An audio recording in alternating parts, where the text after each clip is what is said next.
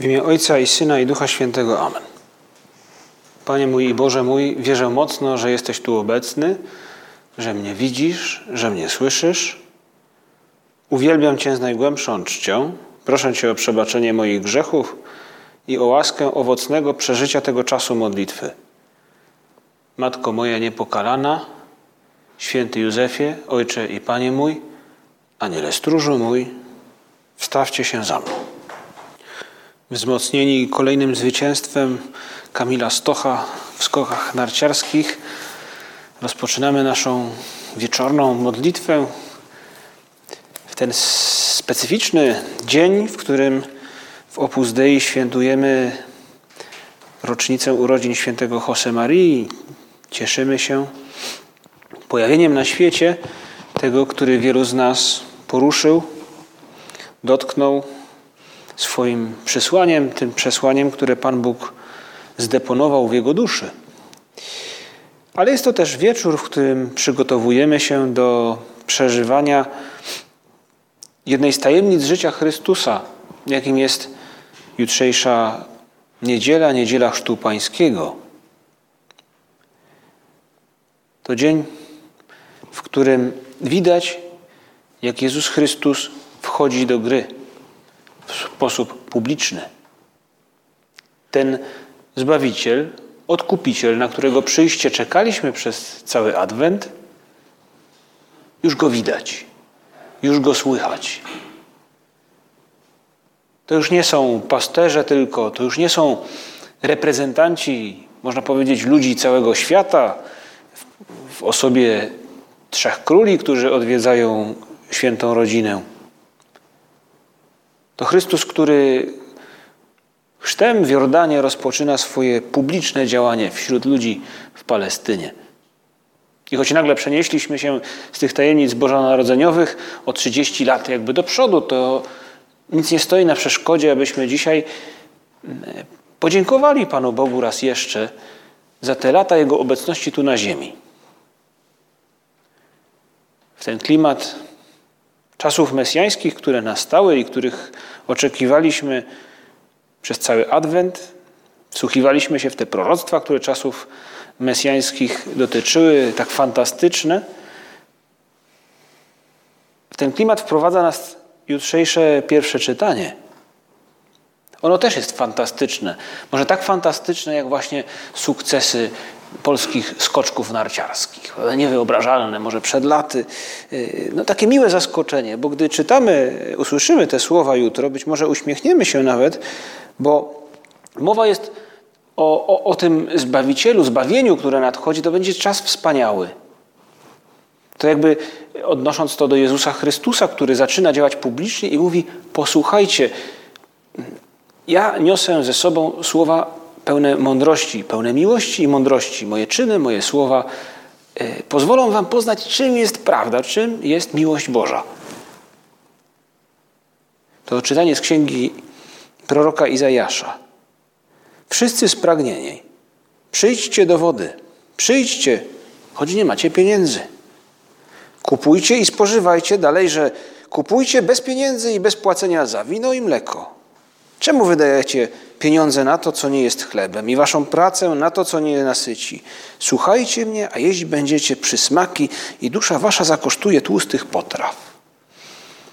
Dla niejednego z tu obecnych pewnie, z mieszkańców akademika i może i wielu innych ludzi, ta perspektywa, tak bardzo odczytana tylko po ludzku, jest niesamowicie atrakcyjna. A co dopiero, kiedy przeniesiemy to na ten teren nadprzyrodzony i gdy odniesiemy te słowa, bo takie one mają znaczenie, przejść od tego zbawienia czysto ludzkiego, jakby rozwiązania jakichś praktycznych problemów, do tego zbawienia, które dotyczy naszego celu ostatecznego, szczęścia przez wieczność.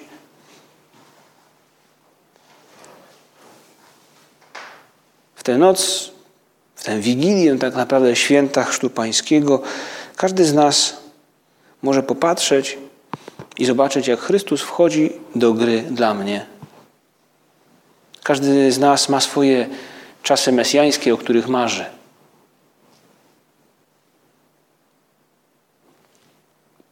To święto odnawia w nas tę nadzieję, którą budowaliśmy przez cały Adwent i którą, która jakby wystrzeliła, wybuchła w dniu Bożego Narodzenia. To święto utrwala ją na ten czas, w którym choć liturgicznie już Boże Narodzenie się kończy, to jednak można powiedzieć, że tradycyjnie wciąż śpiewać będziemy kolendy, wciąż będziemy żyli nim mm, jeszcze przez, przez jakiś czas. Oby ta nadzieja zbawienia pozostała z nami, Panie Jezu, jeszcze długo i pozwalała nam się cieszyć. W Ewangelii święty Marek w bardzo krótkich słowach opowiada nam, jak to się stało. W owym czasie przyszedł Jezus z Nazaretu w Galilei i przyjął od Jana chrzest w Jordanie. W chwili, gdy wychodził z wody, ujrzał rozwierające się niebo i ducha jak gołębicę stępującego na niego, a z nieba odezwał się głos: Tyś jest mój syn umiłowany, w tobie mam upodobanie.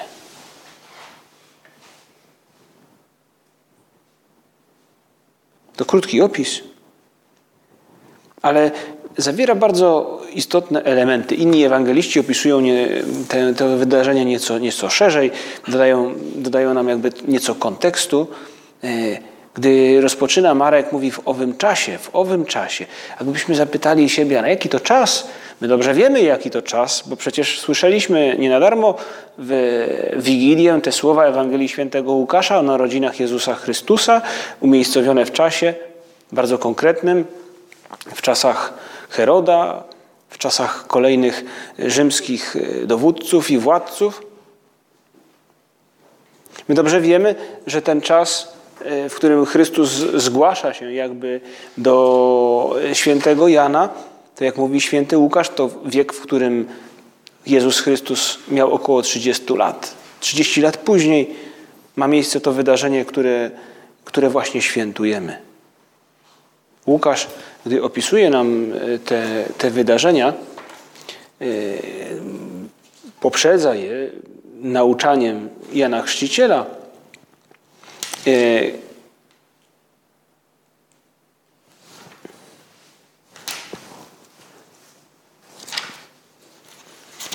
I mówi w ten sposób, E, poprzedza je nauczaniem Jana Chrzciciela i mówi, też w bardzo krótkich słowach opisuje sam chrzest, ale mówi w kolejnych, kolejnych jakby wersetach tej Ewangelii święty Łukasz mówi nam po chrzcie Jezusa, że miał e, około lat 30 i później wymienia kolejne pokolenia, jakby genealogię Jezusa Chrystusa, pokazując jakby, że to w owym czasie, na to w owym czasie czekały pokolenia i pokolenia i pokolenia.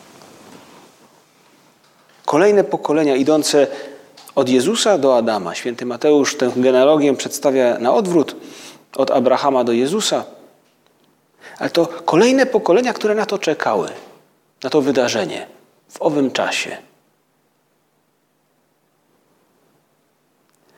Gdybyśmy cofnęli się do tych chwil, zrozumielibyśmy, że w Izraelu te chwile przesiąknięte były oczekiwaniem, coś powinno się wydarzyć, ale jednocześnie nigdy jak wtedy te różne obietnice, proroctwa, na które wszyscy czekali, nie wydawały się bardziej odległe.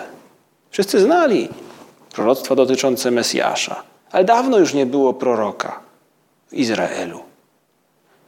I te e, wspaniałe czasy, w których wszystko miało być za darmo i w których wydawało się w tej ludzkiej e, sferze Izrael miał być wolny i, i wspaniały, a tymczasem podbity, podporządkowany Rzymowi, wydawałoby się, że, no, że gdzie jest Bóg, ten, który to wszystko obiecał?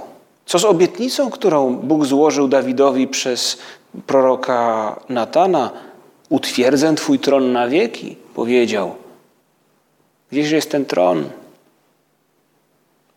Podbity, lud ciemiężony.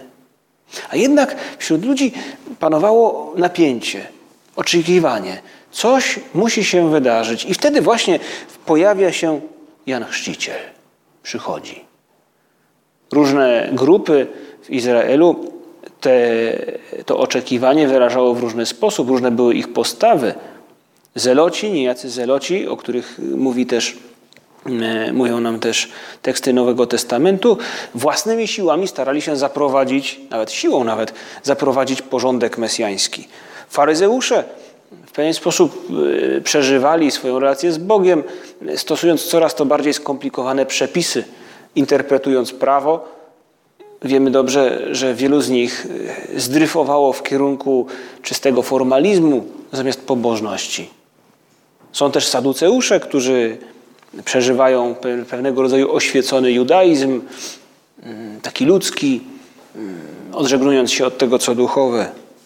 Są inni, których znamy spoza Nowego Testamentu, jak grupa chrześcijan, czy pewnego rodzaju sekta chrześcijańska z Qumran, która e, judaistyczna, która odchodzi od kultu świątyni i modli się bardziej w rodzinach.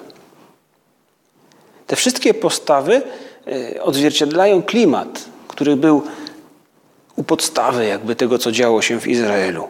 I w tej atmosferze nagle pojawia się Jan Chrzciciel, wreszcie prorok. I ten prorok, który wydawałoby się już jest wielkim wydarzeniem, mówi: Idzie większy ode mnie. A więc to wszystko, na co czekaliśmy, na co czekał lud Izraela, to wszystko ma się dopiero wydarzyć.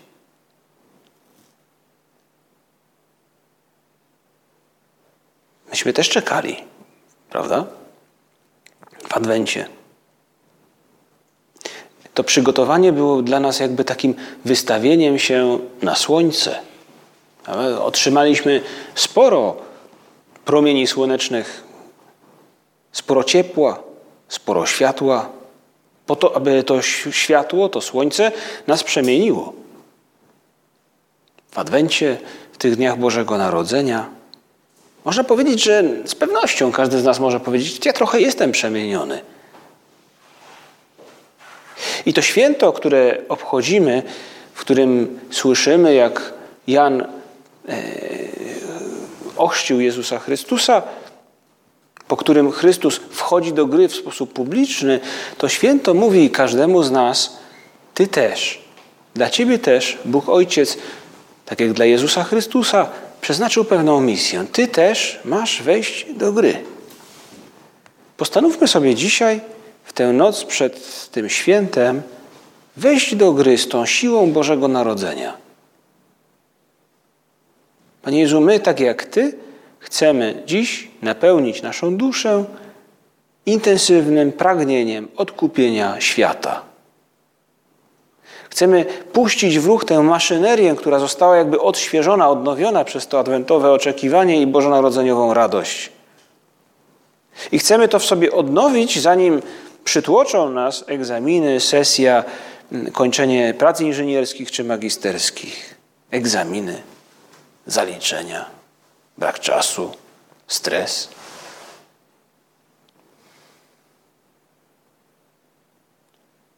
Jan mówi: Idzie mocniejszy ode mnie. I słyszymy w Ewangelii w Ewangelii świętego Mateusza, że do, e, że do, że do Jana ciągnęła cała Judea. Cała okolica. Wówczas ciągnęły do niego Jerozolima oraz cała Judea i cała okolica nad Jordanem. Możemy wyobrazić sobie to miejsce na pustyni, przecięte, na pustyni, która przecięta jest przez wstęgę tej rzeki. Książce o Ziemi Świętej, śladami naszej wiary, opisane jest taki, przy pomocy zdjęć zresztą, to miejsce w ten sposób. Jordan jest praktycznie jedyną zasobną wodę rzekę tego regionu. Zasilają go potoki wypływające z trzech źródeł. Te trzy potoki łączą się. Początkowo rzeka pokonuje niewielką równinę, a następnie szybkim spadkiem, tworząc listrzne kaskady, przecina wąską dolinę i wpada do jeziora Genezaret. Począwszy od jeziora Genezaret, Jordan zasilany innymi dopływami spływa doliną, która rozszerza się od 5 metrów na początku do 25, do 20 na wysokości Jericha A więc w takim naszym polskim e, zrozumieniu taka rzeczułka. Brzegi Jordanu są porośnięte sitową, sitowiem i tamaryszkiem, a w niektórych miejscach lasem. Choć odległość w linii prostej od Morza Martwego wynosi 109 km, bieg rzeki ma 320, ponieważ wiedzie jest liczonymi małymi zakolami. Ten spokojny i kapryśny spływ sprawił, że rzymski pisarz Pliniusz Starszy powiedział, iż Jordan kieruje się nieomal z niechęcią ku swemu ujściu w Morzu Martwym. Święty Jan Chrzciciel mógł poruszać się wzdłuż całego biegu rzeki, z południa na północ i z północy na południe. Niemniej jednak, kiedy przyszedł Jezus z Galilei nad Jordan do Jana, żeby przyjąć od niego chrzest, musiał być niedaleko pustyni judzkiej. W pierwszych wiekach chrześcijaństwa zwanano lokalizację owej Betanii, innej niż wioska Marty, Marii i Łazarza. Betanii, gdzie Jan chrzcił na początku 9 kilometrów na północ od Morza Martwego, na wschodnim brzegu rzeki. W takiej scenerii ma miejsce ta scena, gdy Jezus przychodzi, by zostać ochrzczonym i towarzyszy, z tego to wiemy z opisu świętego Mateusza, temu wydarzeniu wielu ludzi, którzy ściągają do Jana, bo to jest właśnie odpowiedź na to oczekiwanie, które drzemało gdzieś w duszach mm, tych Izraelitów. To właśnie tam oni usłyszeli już wcześniej: idzie mocniejszy ode mnie. To wydarzenie, które opisują nam ewangeliści, jak w tym przypadku już święty Mateusz, Wtedy przyszedł Jezus z Gali nad Jordan do Jana, żeby przyjąć od niego chrzest. I początkowo Jan w tej relacji Mateusza wydaje się opierać, bo mówi: To ja potrzebuję chrztu od ciebie, a ty przychodzisz do mnie. Jezus mu odpowiedział: Ustąp teraz, bo, godzi, bo tak godzi nam się wypełnić wszystko, co sprawiedliwe. Wtedy mu ustąpił. I gdy w relacji tych ewangelistów, także świętego Marka, Słyszymy także świętego Mateusza, słyszymy e, i Łukasza, słyszymy ten głos, który dobywa się z nieba. To jest mój syn umiłowany, w którym mam upodobanie. W ten sposób Jezus Chrystus naśladuje jakby wszystkich, e, którzy przychodzili do Jana i wchodząc do rzeki, oblewani byli, polewani, obmywani byli wodą, wyznając swoje grzechy. Chrystus tego nie czyni, on też przyjmuje chrzest, ale nie wyznaje swoich grzechów, bo zaraz po obmyciu wychodzi z wody. W ten sposób Chrystus zajmuje miejsce grzeszników. Wiemy dobrze, jak ta historia się kończy, to publiczne nauczanie Chrystusa wiedzie przez kolejne lata jego wędrówek po Palestynie i kończy się jego śmiercią, zajęciem miejsca grzeszników na Golgocie. Ten krzyż jest dla nas odkupieniem. To w ten sposób jakby dopełnia się ta publiczna misja Chrystusa. I ten głos, który słyszymy, Mówi nam o samym sednie tego działania Jezusa Chrystusa. To jest wypełnić wolę Pana Boga, wolę Ojca w sposób doskonały. To jest mój syn umiłowany, w którym mam upodobanie. Dlaczego? Bo jest to syn, który pełni wolę Ojca, który sprawia Ojcu radość. jeśli ta noc, ta wigilia tego święta mówi nam o tym, że Chrystus wchodzi do gry, a więc i my do gry wejść możemy, to my dziś, Panie Jezu, chcielibyśmy napełnić nasze, naszą duszę tym pragnieniem odkupienia świata, zmiany, przemiany świata wokół nas przez naszą pracę, nasze relacje, nasze apostolstwo i tak dalej. Ale chcemy też napełnić naszą duszę tym pragnieniem, by wypełnić wolę Boga, jak Ty, wolę Ojca.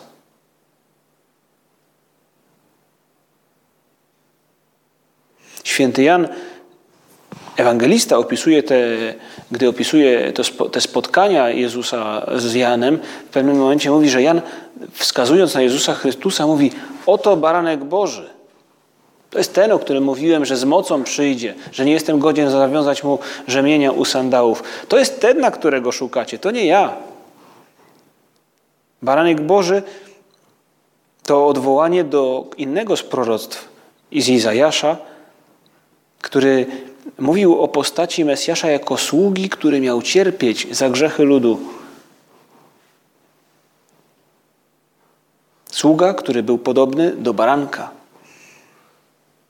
A więc chrzest Chrystusa jest jakby właśnie ukazaniem, to jest On. To jest ten, przez którego Bóg pokazuje Ci, jak Cię kocha. To jest ten, który odda się za Ciebie. To jest ten, który wchodzi do gry właśnie teraz. To jest ten, który doskonale chce wypełnić wolę Pana Boga, wolę Ojca.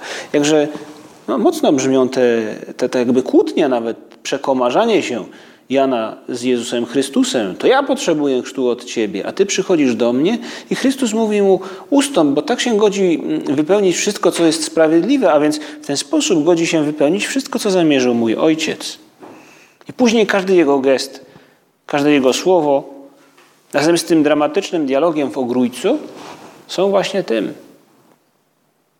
Wypełnić doskonale wolę Ojca. A jak odpowiada Bóg na to posłuszeństwo swojego Syna, Bóg Ojciec?